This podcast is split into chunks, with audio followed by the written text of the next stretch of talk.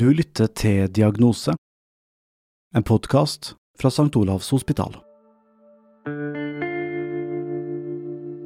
Så legen ringte meg kvelden før avslutninga og sa det at eh, det, det har vokst, og vi har bestemt oss for at vi bare avslutter all behandling. Så det var en veldig tøff beskjed å få.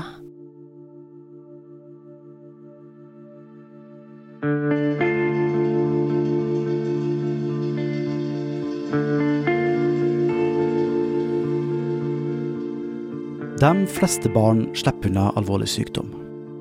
Men ikke alle. Barn kan også bli syke, og barn kan også dø.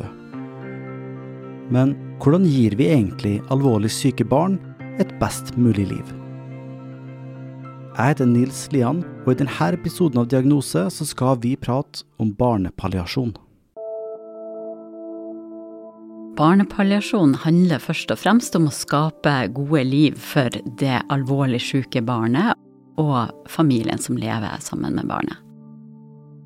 Margrethe Tande er barnelege ved Barneklinikken på St. Olavs hospital og leder i regionalt palliativt team for barn og unge i Helse Midt-Norge. Barnepalliasjon er en aktiv, helhetlig støtte til barnets og familiens psykiske, sosiale og eksistensielle behov, og omfatter alle barn fra 0 til 18 år som lever med en alvorlig, livstruende eller livsbegrensende tilstand.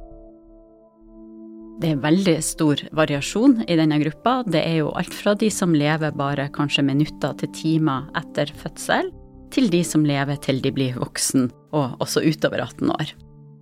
Og barnepalliasjon starter ved diagnosetidspunkt og skal da vare gjennom hele sykdomsforløpet. Også med oppfølging av familien i etterkant hvis barnet dør. Ordene palliativ og palliasjon det er begreper som mange knytter opp mot lindring i livets siste fase. Men Margrethe Tande mener at denne måten å se det på blir for snever. Spesielt vi innen barnepalliasjonsmiljøet er jo veldig opptatt av å få frem at det handler om noe helt annet enn det døende barnet, som det har vært mye om i, i media, og at det har vært en sånn vinkling som vi tenker egentlig ikke er så heldig, for det handler jo om livet, det handler jo om livskvalitet og å få et best mulig liv. Men vi ser jo også innen voksenpalliasjon så har man også begynt der å, å, løfte litt blikket og se at palliasjon skal starte også tidligere, også mens du får en, en aktiv sykdomsretta behandling, så, så, skal man også tenke palliasjon. For det er jo noe som skal gå parallelt med den behandlinga som, som, kan gjøre deg friskere, så skal du også ha den nære palliative tankegangen. Og sjøl om mange bruker orda palliativ og lindrende om hverandre, så stammer ordet egentlig fra det latinske pallium, som betyr kappe. Og det bruker jeg å si som en sånn forklaring for å, for å skjønne helheten i et barnepalliasjon. Det at det på en måte skal fungere som en sånn trygg og god kappe som skal omslutte både pasienten, barnet da, og familien. Og med denne kappa så skal det på en måte sørge for forutsigbarhet, trygghet og også da lindring gjennom hele sykdomsfasen. Barn som har behov for palliativ behandling, kan ha mange forskjellige sykdommer og tilstander, men deles vanligvis inn i én av fire grupper. Gruppe én er de med en livstruende tilstand der det finnes en behandling, men som ikke alltid kan kurere. I denne gruppa finner vi bl.a. barn med kreft eller ulike typer organsvikt. Gruppe nummer to er der barna har en tilstand der tidlig død er uunngåelig.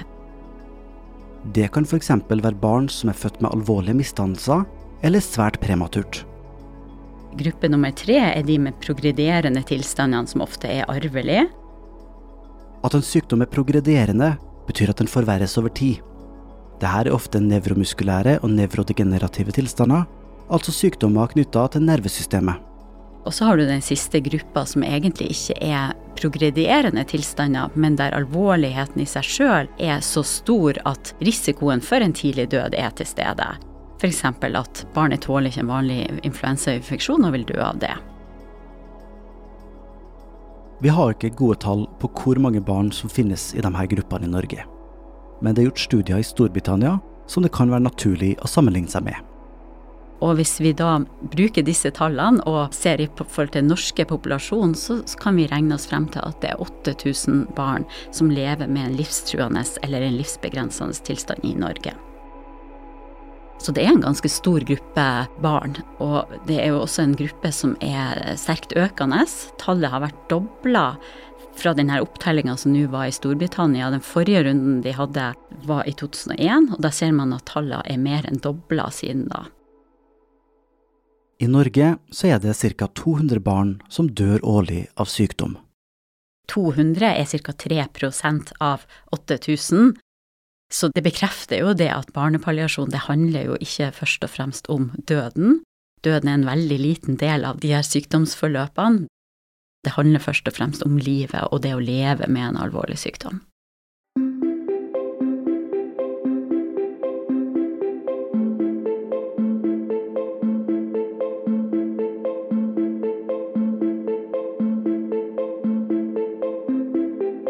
Ble jo født som nummer eh, tre, da. Aktiv, bestemt, sta. Alltid en kommentar på lager. Irene Hassel Tung er i 50-åra og bor på Fosen. Personen som hun snakker om, er dattera Karoline, som ble født i 2002. Altså, hun har alltid vært en sånn tøff, egentlig litt sånn guttejente. Hun hadde en stor drøm om å hoppe i fallskjerm, f.eks. Elska zipline. Hun var først oppi hvis det var zipline i nærheten, så var det førstemann ut, altså. Barndommen til Karoline den var aktiv, morsom, men også ganske vanlig. Vanlig helt fram til hun fyller ni år. Det var dagen etter bursdagen sin på januar, så begynte hun å kaste opp. Og så sa hun sjøl at 'å, sikkert jeg spiste så mye godteri i går'.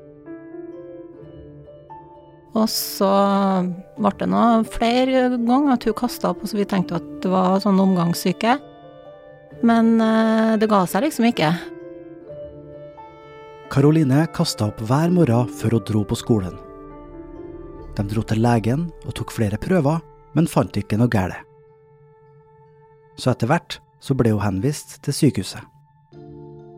Og så tok de eh, røntgen av magen hennes og ultralyd, og da viste det seg at uh, hun var oppstipert, da. Forstoppa.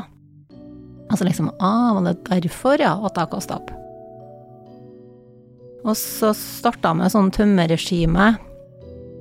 Så hun ble litt bedre til å begynne med, men så starta det bare på igjen. Karoline fortsetter å kaste opp, og de skjønner at forstoppelsen den er ikke hovedproblemet. Så noen måneder etter så drar de tilbake til sykehuset for å prøve å finne svar. Og da var det jo en lege der som sa at jeg tror vi må tenke litt annerledes. Så de begynte jo med litt sånn nevrologiske undersøkelser med balanse og motorikk og, og sånne ting. Og så sa de ja, hun skal på en MR av hodet, men liksom vi vet ikke når. Men det ble jo bare etter en liten time så var jeg på MR, og ikke så lenge etter der igjen så kom det den legen som jeg hadde vært til da, og sa at hun har en svulst i hodet. Karoline blir operert noen dager seinere, og svulsten fjernes.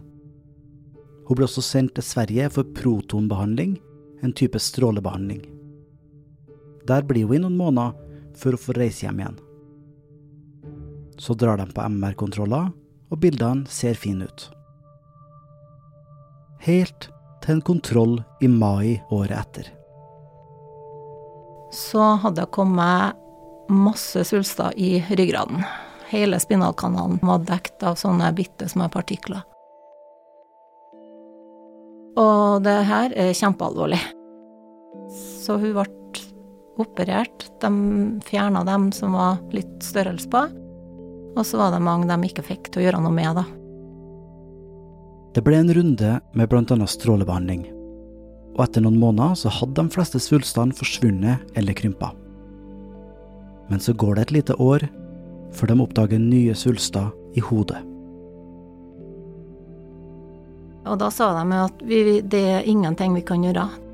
De ligger så vanskelig til at uh, hvis vi begynner å operere, så blir det skade. Uh, og så lenge hun ikke har noen symptomer, så lar vi ha det sånn inntil vi eventuelt må gjøre noen ting, da.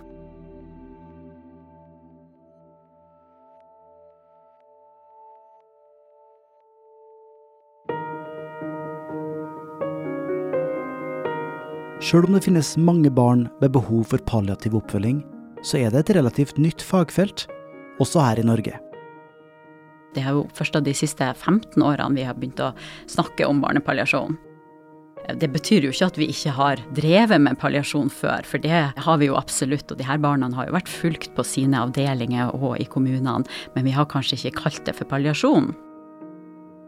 Så i 2011 fikk Helsedirektoratet i oppdrag å lage retningslinjer for palliasjon til barn og unge.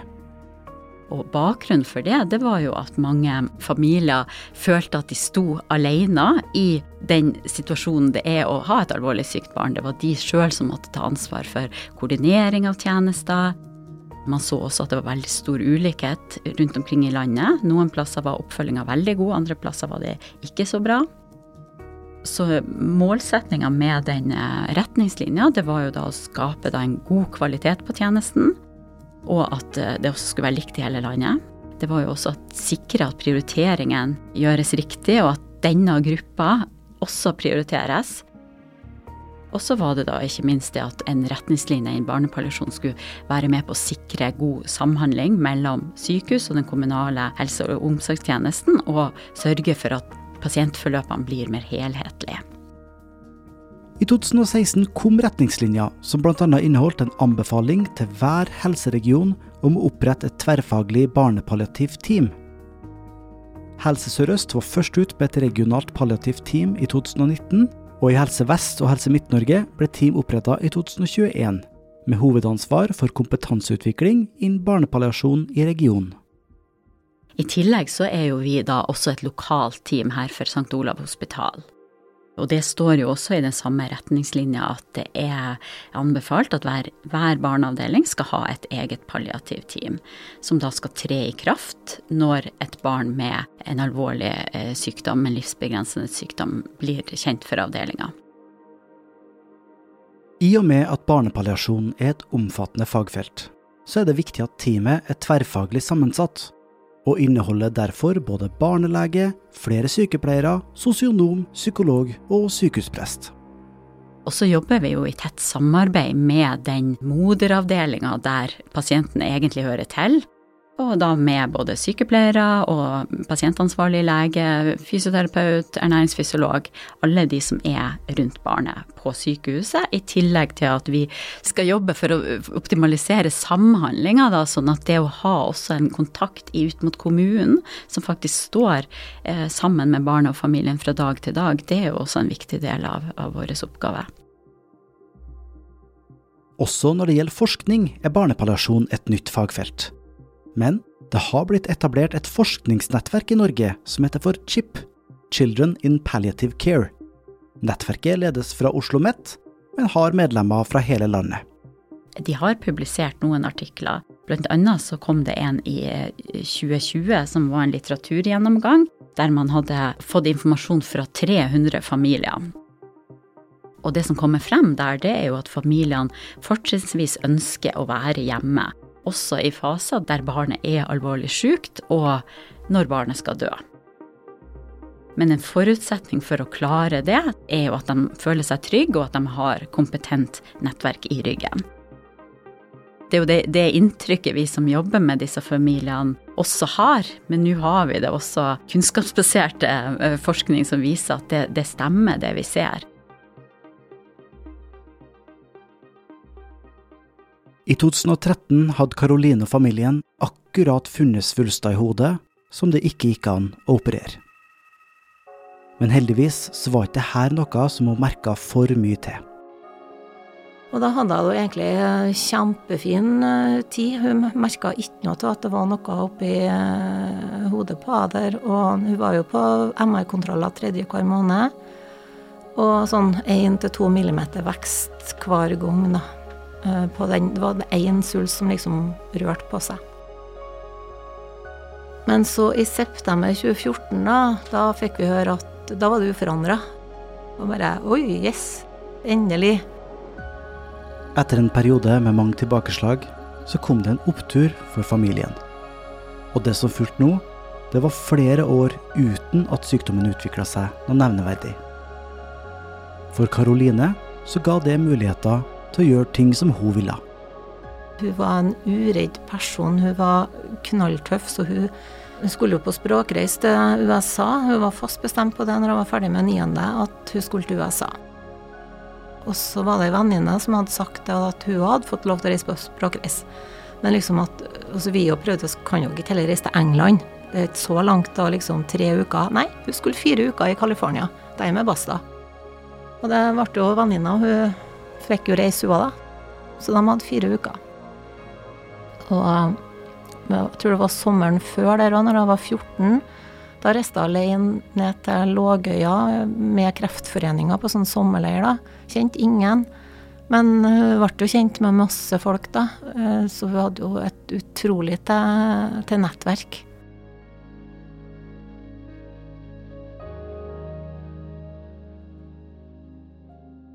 Men etter flere år uten å merke så mye til kreften, så kommer symptomene tilbake til Karoline. Jeg var på jobb, og så ringte hun til meg og sa mamma, nå må jeg, vil jeg på sykehuset. Og så liksom eh, Ja, men du kan ikke bare begynne å dra på sykehuset, liksom, du må jo til lege. Ja, men da ringer du til legen. Og så ble det så jeg ringte på Barn 4 og sa at hun er kjempesvimmel, har veldig dårlig balanse, og nå vil hun inn. Og da, ja, bare å komme inn med en gang. Så vi, vi reiste jo inn, og som hun sa, hun legen hennes da, at, uh, at vi tar deg på alvor, for du er ikke den som klager, liksom. Så når du ringer og sier at du føler deg dårlig, da tror vi på deg, liksom, da. Etter flere prøver for å utelukke andre ting, blir det en ny MR og et nytt tilbakeslag. Og da hadde den ene svulsten vokst masse. Og så ved sida av den svulsten var det jo ei syste som var nesten like stor. Så det var masse inni hodet der, da. Som gjorde at jeg var veldig svimmel og dårlig balanse. Behandlinga blir et såkalt Omaya-reservoar et kateter som kan gi cellegift rett inn i hodet, sammen med cellegift veneport, og en skjønt for å drenere bort overflødig spinalvæske. Og det fungerer. Svulsten blir mindre, svimmelheten avtar, og balansen blir også bedre. Tida går, og svulsten er stabil. Men så kommer symptomene tilbake. Balansen var kjempedårlig. Så hun var litt redd for å, å fare på skolen for hun var så redd for å dette. Eh, og da spurte jeg at liksom eh, Blir det nedtur hvis du får deg en rullestol? Nei, det var greit, ja. Så da fikk vi lånt oss en uh, rullestol. Så da hadde jeg det på skolen hver dag. Så det fungerte kjempefint. Og så var jeg vel sikkert på ny MR kanskje i mars, da. Og da hadde hun jo vokst hadde. Karoline blir dårligere utover våren og sommeren. Men samtidig så har hun et sterkt ønske om å starte på folkehøgskole, som hun har søkt på. Og jeg tenkte at hun kan ikke begynne på skolen, for hun, hun klarte ikke å være alene. For hun, hun klarte nesten ikke å gå uh, uten at hun datt. Hun hadde jo fått en del hjelpemidler hjem, både sånn gåstol og, og forskjellig. Uh, men så tenkte jeg hun, hun klarer ikke å begynne oppe i, oppe i Selbu. Men så spurte jeg når jeg var inne på, på, kontroll uh, om at kan ikke jeg få prøve med cellegift igjen? Ok, vi kan prøve. Og faktisk, eh, etter en eller to behandlinger, så så vi forandring igjen, da. Og hun kjente jo sjøl. Plutselig så gikk hun jo uten gåstol, og hun kunne faktisk begynne på skole, da. Så fikk hun jo faktisk eh, hjemmesykehus, så de kom jo opp i Selbu. Så hun fikk cellegift der, og de var hjemme til oss. Og det var jo kjempebra. For hun ble jo fort sliten av reisinga. Det ble jo. Nei, så det var kjempebra at uh, hjemmesykehuset finnes. Karoline trives på folkehøgskolen, og sjøl om det er slitsomt, så står hun i det. Men rett før skoleåret er ferdig, så er hun på ny MR-kontroll.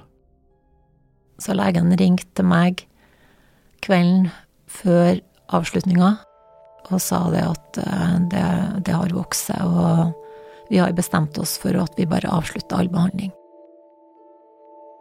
Så det var en veldig tøff beskjed å få.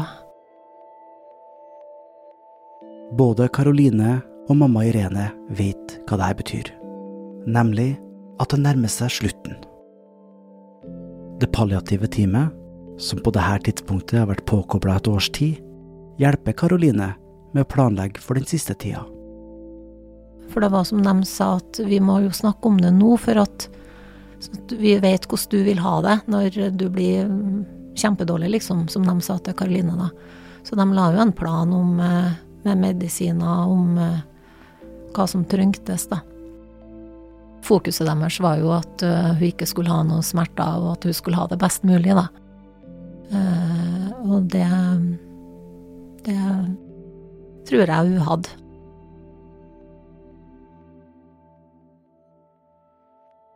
En tirsdag i oktober 2022 dør Karoline, fredfullt i senga si, omgitt av familie.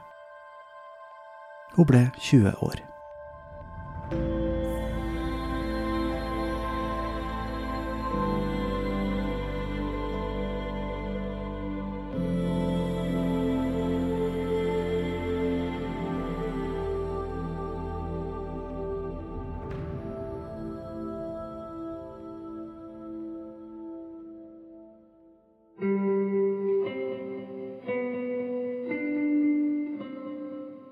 Tenker det er en enorm belastning for pårørende å ha et alvorlig sykt barn.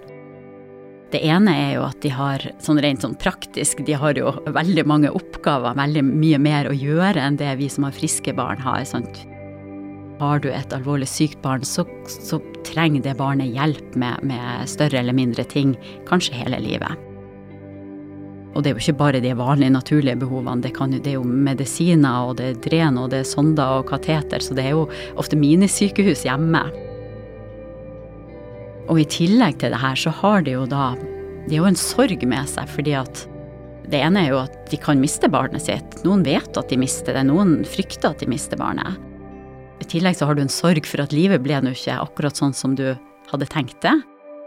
Men samtidig, de har jo ikke noe tid til å sette seg ned og sørge sånn som man har når man reelt mister noe. For de, livet må jo fungere, og det er travelt, og det er hverdager og fotballtrening for storesøster, og det er dugnad på speideren og middager og sant, Så de skal fungere som vanlige foreldre til, eh, sant, til søsken og også til det syke barnet, samtidig som de har den her store sorgen med seg. Så jeg tenker det er den foreldrene sine styrke i det, og den, den, ja, det er jo kanskje det som er mest imponerende. Barnet også, at, at ungene som har den alvorlige sykdommen, eh, klarer å ha livskvalitet, og de er modige, og de eh, er igjennom så mye behandling som også er eh, ja, smertefull, og blir dratt ut av skolen. og lever kanskje store deler av livet sitt på, på sykehus, men allikevel klarer de å være barn innimellom og, og, og nyte livet. Så det er jo òg noe som er imponerende, men, men ikke minst av de foreldrene som står i denne belastninga hele tida.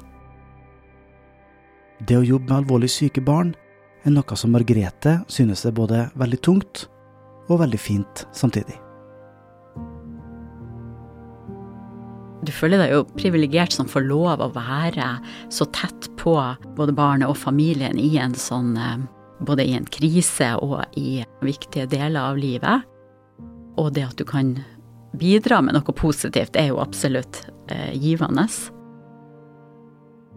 Men det er jo ikke mm, til å legge skjul på at det også er, er tungt. Det er jo på en måte noe med at det, mm, barn skal ikke dø. Det, det, ligger liksom i oss at det er annerledes når et barn er alvorlig syk.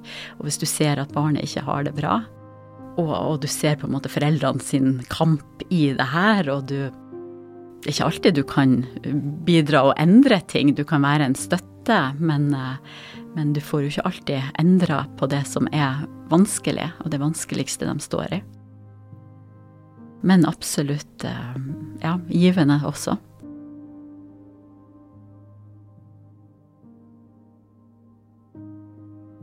Vi har jo valgt å være åpen og være positiv, og ikke tenke det verste. Vi tenker det verste når den dagen kommer, men vi tenker ikke på det nå, liksom. Vi føler jo at hun har hatt et veldig godt liv, sjøl om det ble kort.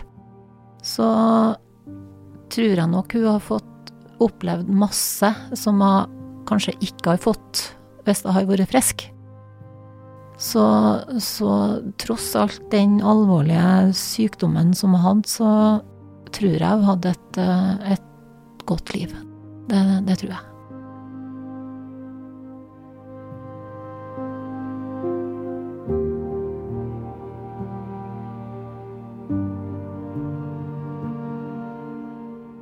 Du har hørt Diagnose, en podkast fra St. Olavs hospital i samarbeid med NTNU.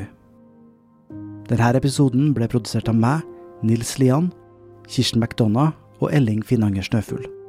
Marit Kvikne er vår ansvarlige redaktør. En stor takk til Margrethe, som fortalte oss om barnepalliasjon, og ikke minst til Irene, som fortalte oss om Karoline. Har du lyst til å gi oss en tilbakemelding, eller kanskje du har tips til tema som vi kan lage noe på? Send en e-post til diagnose alfakrøll. Abonner på Diagnose der du lytter til podkast, og følg St. Olavs hospital på Facebook og Instagram.